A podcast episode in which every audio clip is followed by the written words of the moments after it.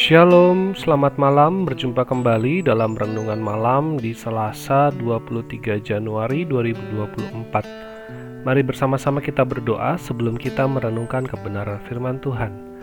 Ya Bapa, kami bersyukur Engkau menolong memimpin kami melewati dan menjalani keseharian kami sepanjang hari ini.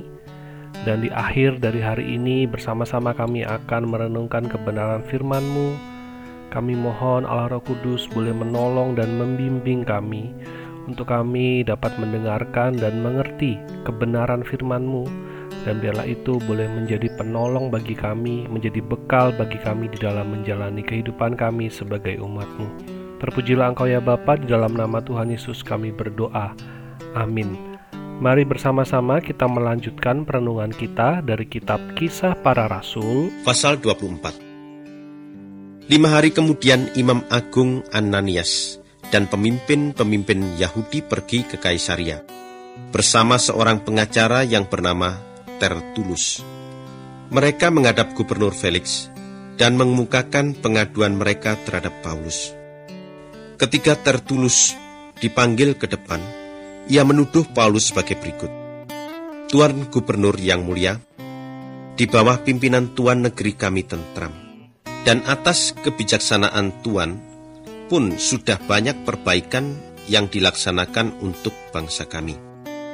Semuanya itu kami sambut selalu dengan terima kasih dan penghargaan yang setinggi-tingginya di mana pun juga. Tetapi supaya jangan membuang banyak waktu Tuhan, saya mohon sudilah Tuhan mendengarkan pengaduan kami yang ringkas ini. Kami dapati orang ini pengaco yang berbahaya di mana-mana ia menimbulkan keributan di antara orang-orang Yahudi dan ia menjadi pemimpin gerakan orang-orang Nazaret. Ia malah sudah mencoba membuat najis rumah Tuhan. Tetapi kami menangkap dia. Kami bermaksud mengadilinya menurut hukum agama kami sendiri. Tetapi Komandan Lysias merebut dia dari kami dan memerintahkan supaya para pengadunya menghadap Tuhan. Kalau Tuhan memeriksa orang ini, Tuhan sendiri akan mendengar dari dia kebenaran dari semuanya yang kami adukan ini terhadap dia. Orang-orang Yahudi yang di situ juga ikut menuduh Paulus dan membenarkan semua yang dikatakan oleh Tertulus. Lalu gubernur itu memberi isyarat kepada Paulus bahwa ia boleh berbicara. Maka Paulus berkata, "Saya tahu Tuan sudah menjadi hakim negeri ini bertahun-tahun lamanya. Itu sebabnya saya merasa senang mengajukan pembelaan saya ini di hadapan Tuan. Tuan dapat menyelidiki sendiri bahwa tidak lebih dari 12 hari yang lalu saya pergi ke Yerusalem untuk sembahyang. Dan tidak pernah orang-orang Yahudi itu mendapati saya bertengkar dengan seseorang pun atau mengumpulkan orang untuk membuat huru hara, baik di rumah Tuhan maupun di rumah-rumah ibadat atau di mana saja di dalam kota.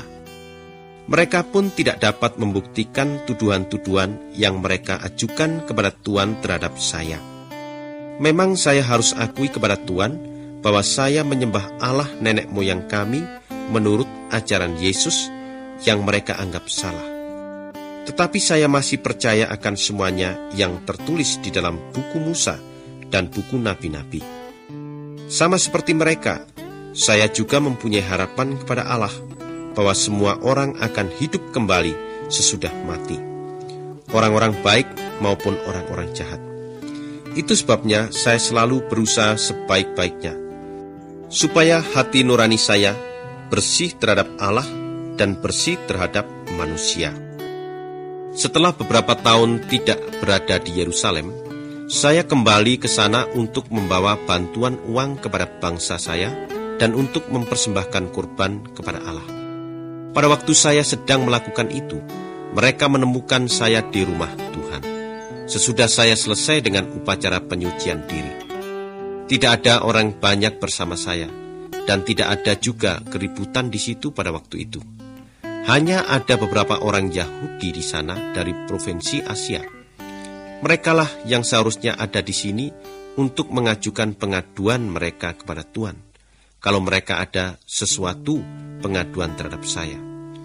Atau biarlah orang-orang ini sendiri mengemukakan kejahatan apa yang mereka dapati pada saya ketika saya dihadapkan pada mahkamah agama.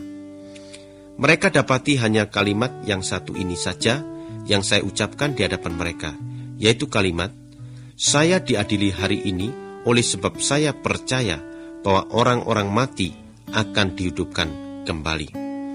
Lalu Felix, yang sudah mengetahui banyak tentang ajaran Yesus, mengakhiri sidang perkara itu. Saya akan memutuskan perkara ini, katanya, kalau Komandan Lisias sudah datang. Lalu ia memerintahkan perwira yang bertanggung jawab atas Paulus itu supaya tetap menahan Paulus, tetapi dengan memberi sedikit kebebasan kepadanya dan mengizinkan kawan-kawannya memberikan kepadanya apa yang diperlukannya. Beberapa hari kemudian Felix datang, ditemani istrinya yang bernama Drusilla. Ia seorang Yahudi.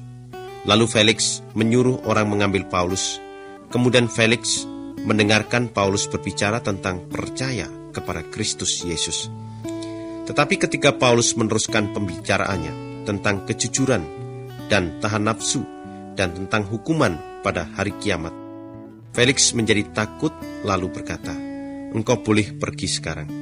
Saya akan memanggil engkau lagi kalau ada kesempatan. Sementara itu Felix berharap akan mendapat uang dari Paulus. Itu sebabnya ia berkali-kali menyuruh orang mengambil Paulus untuk berbicara dengan dia. Setelah dua tahun, Perkius Festus menggantikan Felix sebagai gubernur. Dan karena Felix mau mengambil hati orang-orang Yahudi, ia membiarkan Paulus di dalam penjara.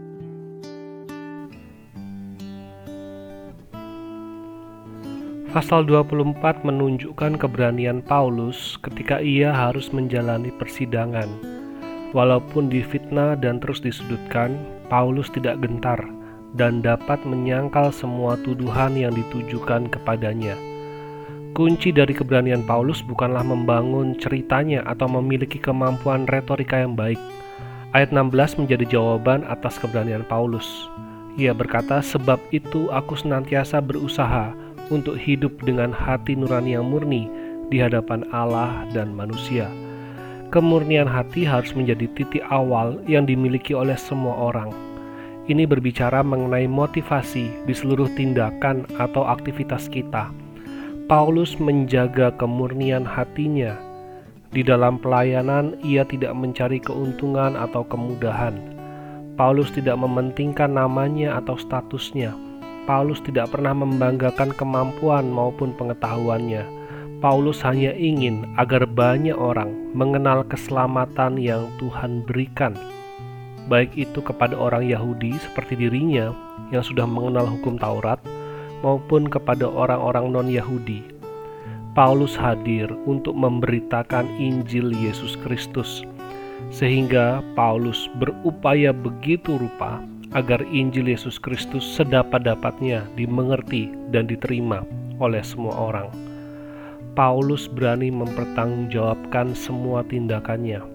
Tidak ada yang ditutup-tutupi oleh Paulus. Semua orang dapat menilai Paulus secara objektif. Yang kedua saya pelajari dari Paulus adalah ia selalu menggunakan kesempatan yang ada untuk memberitakan tentang kabar baik. Sebuah kabar menjadi kabar yang baik jika yang mendengarnya tahu betapa ia memerlukan kabar itu. Pada saat berbicara dengan Felix, ia berbicara tentang kebenaran, penguasaan diri, dan penghakiman yang akan datang. Apa yang disampaikan oleh Paulus sebenarnya membuka pikiran Felix, membuat dirinya gentar. Tetapi Felix menghentikan Paulus berbicara dan seakan-akan menghilang bagi Paulus. Dari bagian ini kita diingatkan untuk senantiasa menjaga hati kita, menjaga motivasi kita di dalam melakukan segala sesuatu. Mari kita memiliki hati yang murni, hati yang tulus di dalam melakukan segala hal.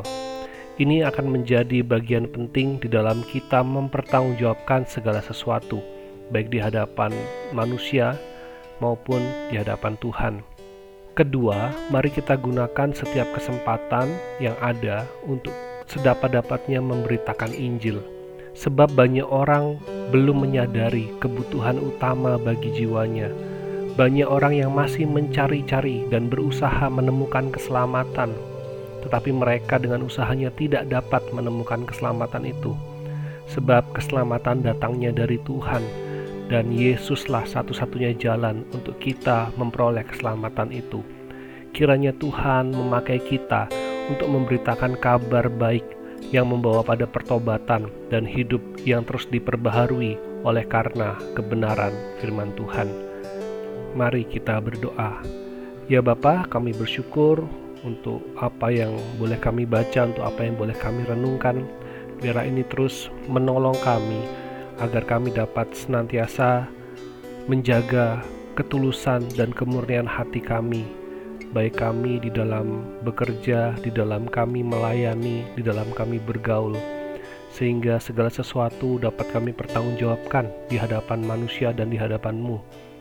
Dan tolonglah kami, berikan kami keberanian untuk kami dapat senantiasa memberitakan kasih-Mu, memberitakan Injil-Mu. Pakai kami ya Tuhan menjadi saluran bagi pemberitaan keselamatan yang Engkau sudah berikan di dalam Yesus Kristus. Bimbing kami, tolong kami. Di dalam nama Tuhan Yesus kami berdoa. Amin. Selamat malam, selamat beristirahat. Tuhan Yesus memberkati.